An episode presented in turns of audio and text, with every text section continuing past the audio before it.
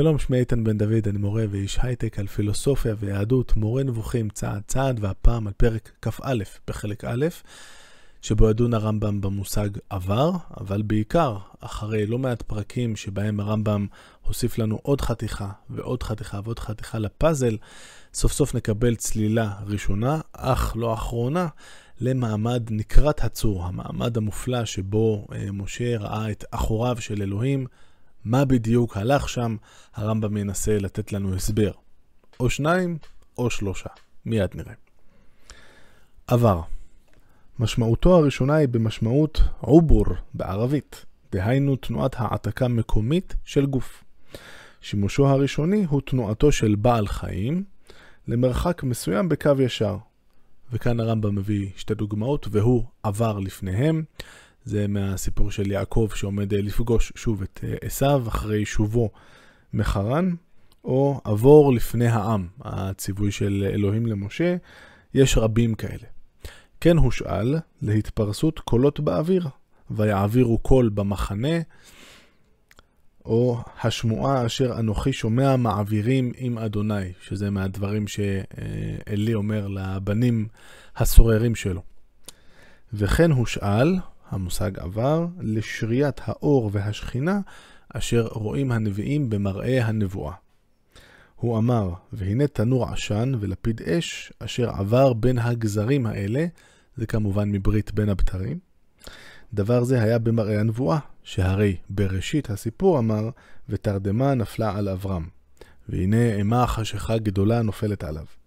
על פי השאלה זאת גם נאמר, ועברתי בארץ מצרים, כל כיוצא בזה. שימו לב שכאן הרמב"ם נותן לנו איזו טעימה קטנה מדיון שיתפתח עוד הרבה בהמשך לגבי הנבואה. אה, בעיני הרמב"ם, אה, כל נבואה של כל נביא, למעט משה רבנו, לא מתקיימת בעולם הקונקרטי הרגיל של הערות, אלא אה, או בשינה, בחלום, או במחזה, במין מצב שהוא לא המצב הרגיל שלנו, ועוד נדבר על זה הרבה בפרקי הנבואה, שמאכלסים את, אה, בעיקר את חלק ב', פרקים ל"ב עד מ"ח.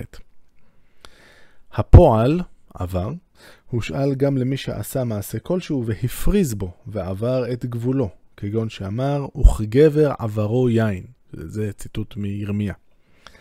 כן, הושאל הפועל למי שפסח ועבר על מטרה כלשהי, וכיוון, אני מוסיף במקומה, אל מטרה אחרת ויעד אחר. והוא ירה החצי להעבירו. זה ציטוט משמואל, יש את המעמד אה, של דוד ויונתן, כשדוד מתחבל, ו- ויונתן אומר לו, תשמע, אני אראה מה קורה עם שאול, ואם הוא אה, רוצה להזיק לך או לא, אה, והם מסכמים שהדרך שבה יונתן יירה את החץ, זה יהיה הרמז בשביל דוד, ואז יונתן יורה, ויורה את החץ רחוק, והוא ירה החצי להעבירו. בהתאם להשאלה זאת, מתפרשים לפי דעתי דבריו, ויעבור אדוני על פניו. אז כאן סוף סוף אה, אנחנו מתחילים להיכנס למעמד נקרת הצור, ויעבור אדוני על פניו ויקרא. אה, כל מי שעבר אה, תפילה של ימים נוראים זוכר את הקטע הזה שהוא חוזר שוב ושוב ושוב. ללא ספק זה מעמד מפתח ביהדות בכלל, והוא מעמד מאוד מוזר. הוא מאוד מוזר עבורנו אבל. אנחנו שגדלנו על ההשקפה של אלוהים אין גוף, לנו זה מוזר, אה, וצריך לזכור שביהדות לא תמיד היה מאוד מקובל של אלוהים אה, אין גוף, אה, להפך, היו יהודים רבים וטובים שחשבו שלאלוהים יש גוף, אולי יותר גדול, אולי יותר זוהר, אבל להם זה לא ממש הפריע. שאלוהים, אה, שמשה מבקש לראות את אלוהים, ואלוהים שם לו את, ה, את הכף יד על העיניים ועובר, ומשה ראו את אחוריו, דברים שלנו נראים מאוד משונים, אה, בזמנו לא נראו כל כך משונים. וכמו שאני נוהג לומר, המהפכה של המלחמה בהגשמת האל, היא כנראה המהפכה היחידה שהרמב"ם הצליח בה. נחזור לענייננו. בהתאם להשאלה הזאת של משהו שמחליף מטרה אחת במטרה אחרת, מתפרשים לפי דעתי דבריו ויעבור אדוני על פניו. והכינוי בפניו, נסוב עליו יתעלה. כאן אה, נעצור רגע ונחשוב. אה, אני לא בטוח ששמנו לב כולנו, אבל אה, הרי איך זה, איך זה עובד שם הפסוק? ויעבור אדוני על פניו ויקרא. אדוני, אדוני, אל רחום וחנון, ערך אפיים וכולי. מה שנקרא 13 מידות, שגם עליהן אה, יבוא דיון מאוד מסודר אה, בהמשך. ויעבור אדוני על פניו, על פניו של מי? האם זה על פניו של משה, או על פניו של אלוהים עצמו? זה משהו שהוא לא ברור, והכיוון שאליו אה, חותר כאן הרמב"ם, בפירוש הראשון שהוא נותן, ספוילר, זה שהכינוי בפניו חוזר על אלוהים. וכן פרשו החכמים, כי פניו אלה הם שלא יתעלה. ואף כי הזכירו זאת, אגב, הגדות אשר אין מקומן כאן, יש בכך בכל זאת סיוע כלשהו לדעתנו. הכינוי בפניו נסוב אפוא על הקדוש ברוך הוא. עכשיו, למה בדיוק הרמב"ם אה, מתכוון, על איזה אגדות בדיוק? אז אה, מקובל אה, להפנות למסכת ראש השנה בתלמוד הבבלי, דף י"ז עמוד ב', וכאן יש לנו דיון. אגב דיון בכל מיני אמירות על, על אלוהים ועל מידותיו, אז ויעבור אדוני על פניו ויקרא, אמר רבי יוחנן, אלמלא מקרא כתוב, אי אפשר לאומרו. זאת אמירה שמקובלת למשהו שיש פה, הרעיון שיש בו, אם זה לא היה כתוב בתורה, לא היינו מאמינים, אה, אם זה לא היה כתוב במקרא. לא, לא, לא היינו מעלים את זה על הדעת מרוב שזה נוגד את האינטואיציות הבסיסיות שלנו. מלמד שנתעטף הקדוש ברוך הוא כשליח ציבור, זאת אומרת, ממש כמו ששליח ציבור מתעטף בטלית, והראה לו למשה סדר תפילה. אמר לו, כל זמן שישראל חוטאין, יעשו לפניי כסדר הזה ואני מוחל להם. זאת אומרת, יגידו, אדוני, אדוני אל רחום וחנון וכולי. אז כנראה שלכאן אה, מכוון, אה, מכוון הרמב"ם. אה, האם אפשר להבין מכאן שויעבור אדוני על פניו זה דווקא חוזר אליו? אני לא חושב שזה, שזה משהו מוחץ. אבל בכל מקרה, נמשיך. פירוש הדבר לפי דעתי ולפי מה שנראה לי, שמשה עליו השלום ביקש השגה מסוימת. וזה הדבר אשר כינה אותו, על דרך המליצה ראיית פנים באומרו ופניי לא יראו. והובטחה לו השגה פחותה מזאת שביקש. והוא אשר כינה אותה על דרך המליצה ראיית אחור באומרו וראית את אחוריי, על משמעות זאת כבר הצבענו במשנה תורה. בדרך כלל הייתי עוצר כאן להסביר, אבל בואו, אה, אף אחד לא יסביר את זה יותר טוב מהרמב"ם בלשון הזהב שלו. במשנה תורה זה משהו שמופיע ממש על ההתחלה בהלכות יסודי התורה, פחות או יותר בעמוד הראשון אה, של הספר. אז הלכות יסודי התורה, פרק ראשון, י'. מהו זה שביקש משה רבנו להשיג כשאמר הראני נא את כבודך? שזה באמת, אה, זה הנקודת הפתיחה של מעמד אה, נקראת הצור, רק נעשה בכל זאת איזה חזרה. משה אומר לאלוהים, הראני נא את כבודך ודעך, ואדעך, וראה כעמך הגוי הגדול הזה. זאת אומרת, יש פה איזו אמירה של, אני רוצה שת, אה, להשיג איזה, לראות אותך, לראות את אה, פניך, אה, כי זה משהו שכנראה אמור לעזור לו בהנהגה של העם. ומה שאומר לו אלוהים זה, אתה לא יכול לראות את, את, את פניי, כי לא יראני אדם וחי. אה, אבל אל תדאג, אני אעביר כל טובי על פניך ושקותי כפי עליך עד עוברי, ואז אה, אה, באמת זה מה שקורה, ואלוהים עובר על פניו. שוב, כאן הרמב"ם מנסה לבסס את הטענה שזה על פניו של אלוהים. ומשה בסופו של דבר, ואז הוא אומר את אדוני, אדוני אל רחום וחנון וכולי, ואז משה רואה את אחוריו של האל. אז זה ככה, תזכורת איך הסיפור הזה עובד. אז מהו זה שביקש משה רבנו להשיג כשאמר הראני נא את כבודך? ביקש לידע, לדעת, אמיתת הימצאו של הקדוש ברוך הוא, עד שיהיה ידוע בליבו כמו ידיעת אחד מן האנשים שראה פניו ונחקקה צורתו בקרבו, שנמצא אותו האיש נפרד בדעתו משאר האנשים. כך ביקש משה רבנו להיות מציאת הקדוש ברוך הוא נפרדת בליבו משאר מציאת הנמצאים, עד שידע אמיתת הימצאו כמה שהיא, זאת אומרת, הרמב"ם בעצם אה, טוען כאן שמשה ביקש ל, אה, את היכולת להבין את מהותו אה, של אלוהים. כמו שאני יודע את החבר שלי כך וכך, אני יודע מי הוא באמת. אבל מול אלוהים, כמו שכולנו יודעים, קשה לנו הרבה יותר להבין מה בדיוק המהות של אלוהים. זה מה שביקש משה, משה להשיג, ומה הייתה תשובתו של הקדוש ברוך הוא? והודיעו, והשיבו ברוך הוא שאין כוח בדעת האדם החי, שהוא מחובר מגוף ונפש, להשיג אמיתת הדבר זה על בוריו.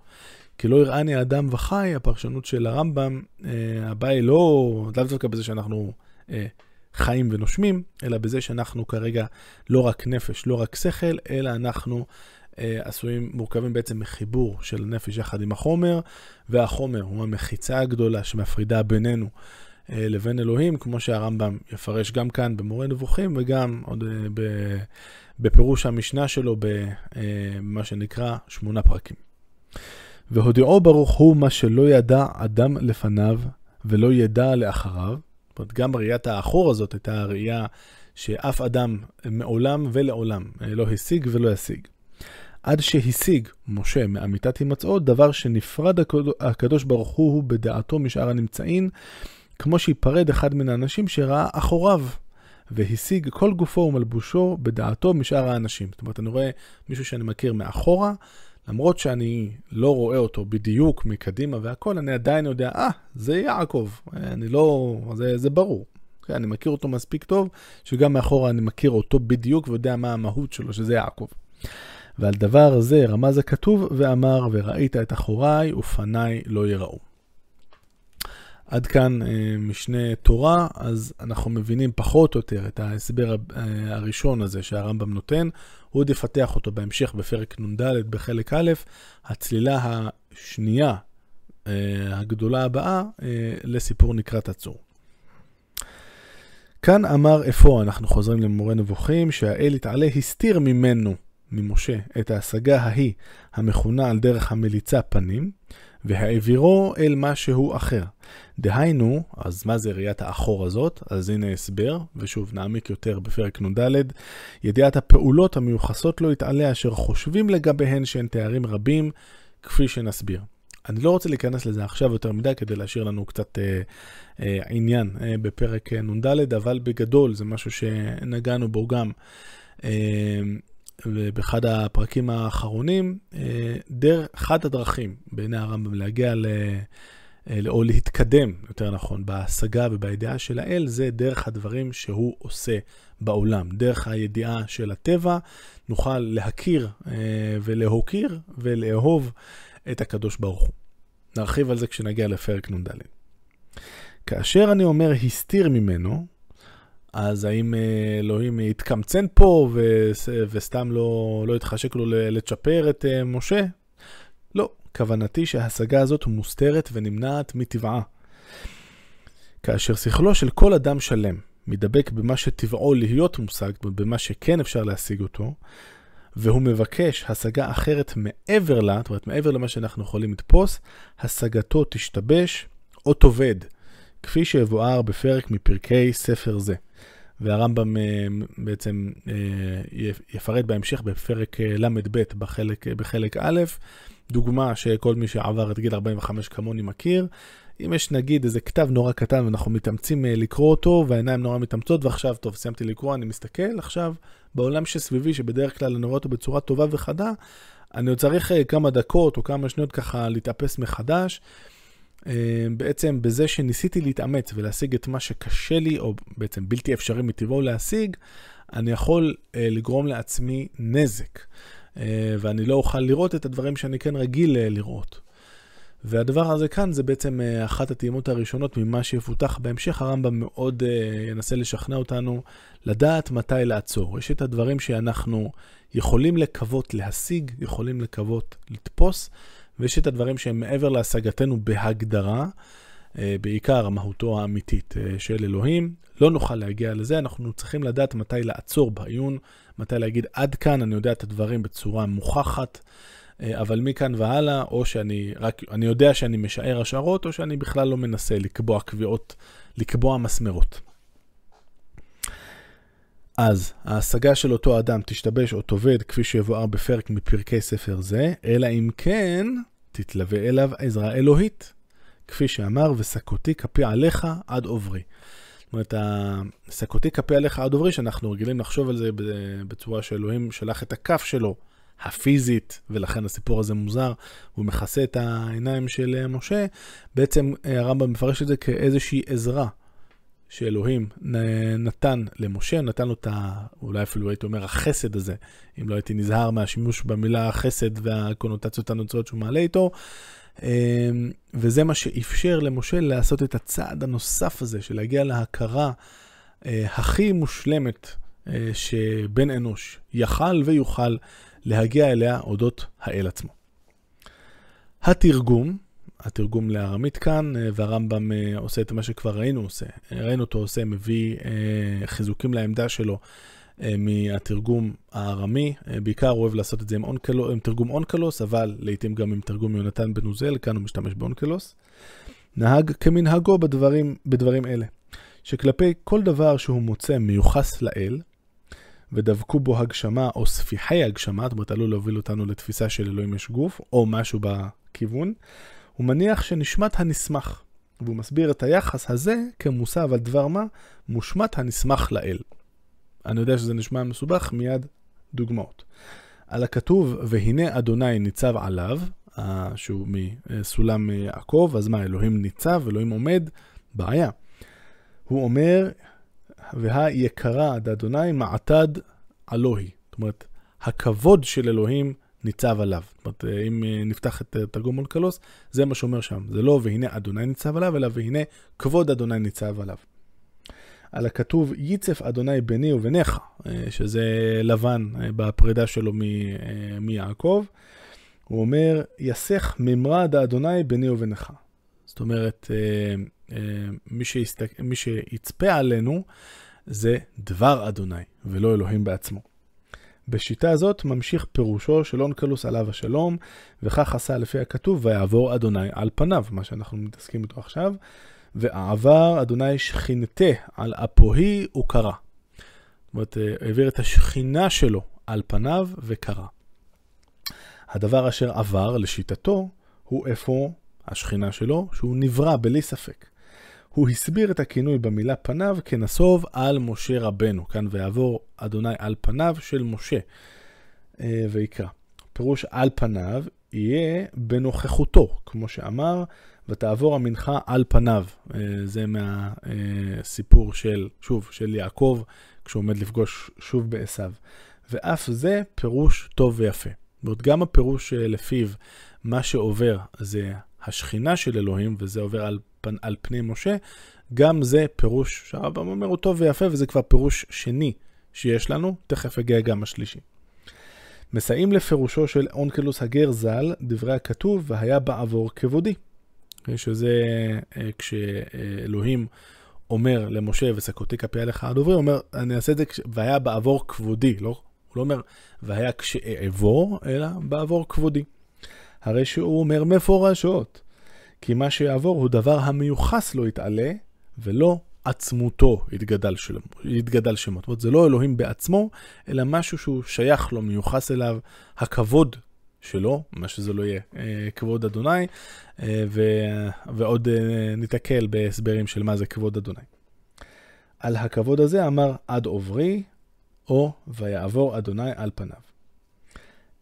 אם אין מנוס מלהניח נסמך שהושמט, כפי שעושה זאת אונקלוס תמיד, לפעמים הוא מפרש אותו ביטוי מושמט יקרה, כמו שראינו, הכבוד, כמו אה, עם אה, סולם יעקב, ולפעמים שכינה ולפעמים מימרה, דבר אדוני.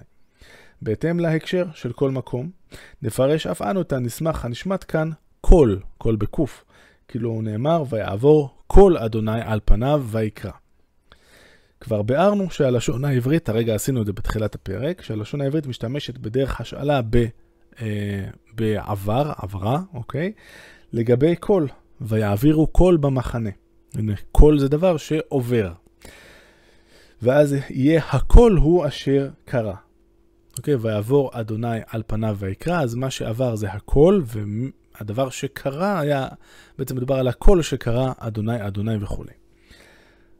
אל יהא דחוק בעיניך שהקריאה מיוחסת לקול, שהרי בביטויים אלה ממש מדובר על פנייתו יתעלה, כלומר של אלוהים, אל משה.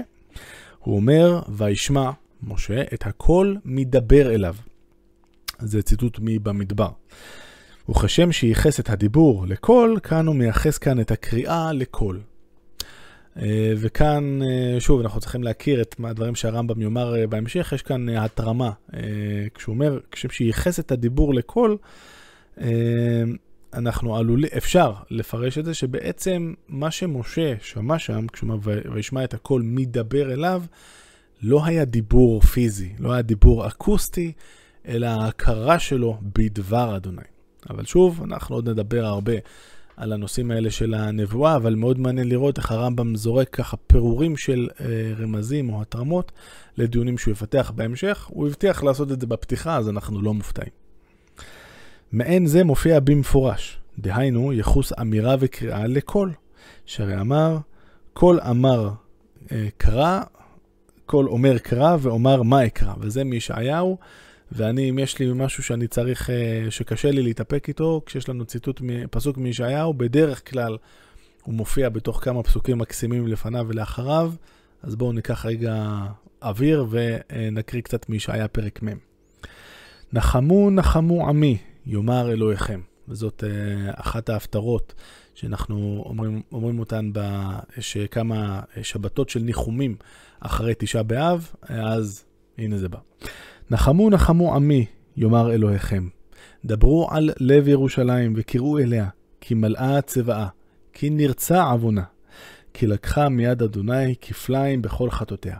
קול קורא במדבר, פנו דרך אדוני, ישרו בערבה, מסילה לאלוהינו.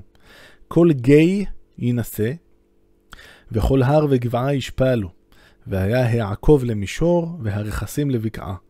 ונגלה כבוד אדוני וראו כל בשר יחדיו, כי פי אדוני דיבר. כל אומר קרא, ואמר, מה אקרא? כל הבשר חציר וכל חסדו כציץ השדה. יבש חציר, נבל ציץ, כי רוח אדוני נשבה בו, אכן חציר העם. יבש חציר, נבל ציץ, ודבר אלוהינו יקום לעולם. נחזור למורה נבוכים.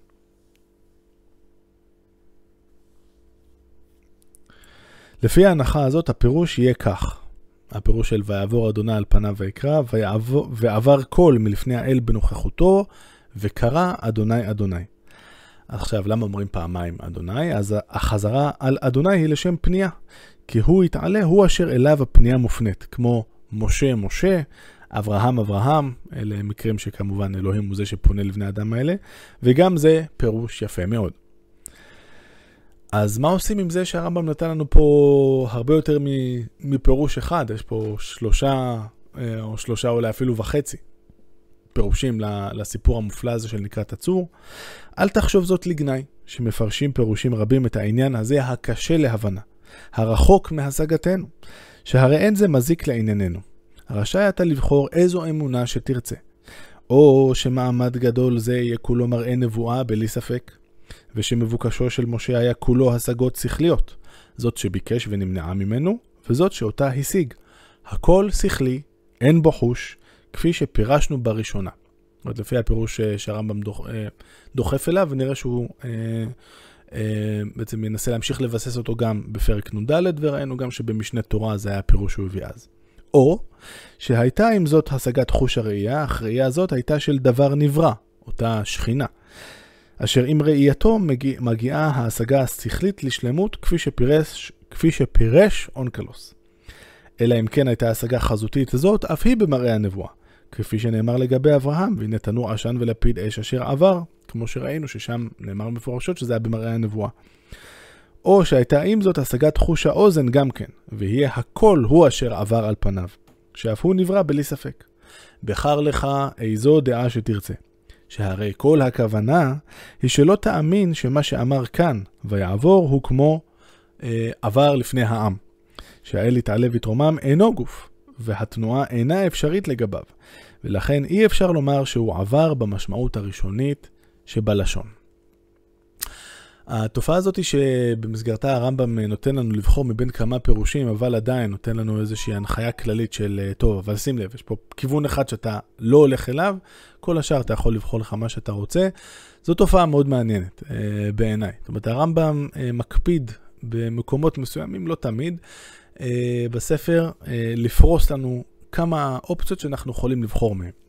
זה שהוא פורס כמה אפשרויות, זה דבר שהוא עושה המון בספר. בצורה נהדרת, בעיקר כשהוא מנסה להציג את העמדות השונות לגבי איזשהו עניין, למשל עניין ההשגחה.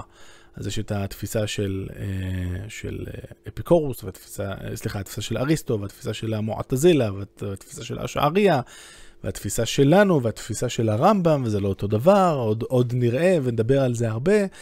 אה, אבל שם הוא נותן לנו את הסופרמרקט של דעות הזה, כמו שאומרים במודרנית, אבל הוא אומר לנו, שימו לב, זה מה שצריך לבחור. כל השאר שגוי כי XYZ.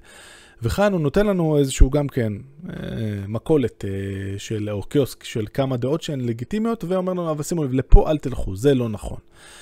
אה, ויש כאן משהו שמצד אחד, כי אני מנסה לחשוב למה הרמב"ם עושה את זה, אני חושב שמצד אחד הוא, זאת אומרת, יש לו פה, אולי הכי חשוב, יש פה מסר. זאת אומרת, פחות חשוב לו לבוא ולכפות את הדעה שלו עלינו, למרות ששוב, הוא ינסה לשכנע בעמדה שלו עוד בהמשך של הספר, בפרק נ"ד. אבל איפה שמבחינתו אפשר אה, לתת, אה, לתת איזשהו חופש, איזושהי חירות לקורא, למעיין, לבחור את העמדה שלו, אז אדרבה, למה לא? כל עוד זה עדיין במסגרת המשחק וכל עוד השגיאה העיקרית נמנעת. או, אה, ופה, זאת אומרת, יש מרכיב נוסף שאני, שלי נראה שהוא, שגם הוא בעניין כאן, שמי שכן נוטה לחשוב שכן היה פה איזה, פה איזה קול נשמע, או היה פה איזה משהו נראה, הרמב"ם אומר לו, תשמע, אתה בכיוון, אתה עוד לא לגמרי שם. התפיסה הממש נכונה שלך תהיה כשתזקק את הסיפור הזה לגמרי מתפיסת, מהשגת החושים או מהמעורבות של החושים. ככל שתנתק את זה יותר, התפיסה שלך תהיה נכונה יותר. וכאן שוב יש את התחושה שלי שהרמב"ם ככה מושיט לנו יד במורה נבוכים ועוזר לנו אה, לעלות עוד מדרגה ועוד מדרגה בדרך הארוכה והקשה אה, עד לתפיסה הנכונה לדעתו. אה, לפיה, לפחות איך שאני מפרש את זה, כמה שפחות גוף, כמה שפחות חושים, כמה שיותר שכל, כמה שיותר אה, לא לקפוץ למסקנות, איפה שאי אפשר לקפוץ, לקפוץ למסקנות, אה, אבל בוודאות, מה שאנחנו יודעים בוודאות שהוא טעות, בתפיסה הזאת אנחנו, את התפיסה הזאת אנחנו מוציאים מכלל אפשרות עד כמה שניתן. עד כאן להפעם היה קצת ארוך עם הרבה ציטוטים, אבל זה פרק אה, אה, מאוד אה, חשוב גם לרמב"ם וגם לנו, בהבנה גם של הטענה של הרמב"ם, אה, הטיעונים שלו סביב מעמד נקרת הצור, וגם ראינו כמה טעימות אה, כלליות מסוגיות נוספות שעוד ילוו אותנו הרבה במורה נבוכים. עד כאן להפעם, להתראות.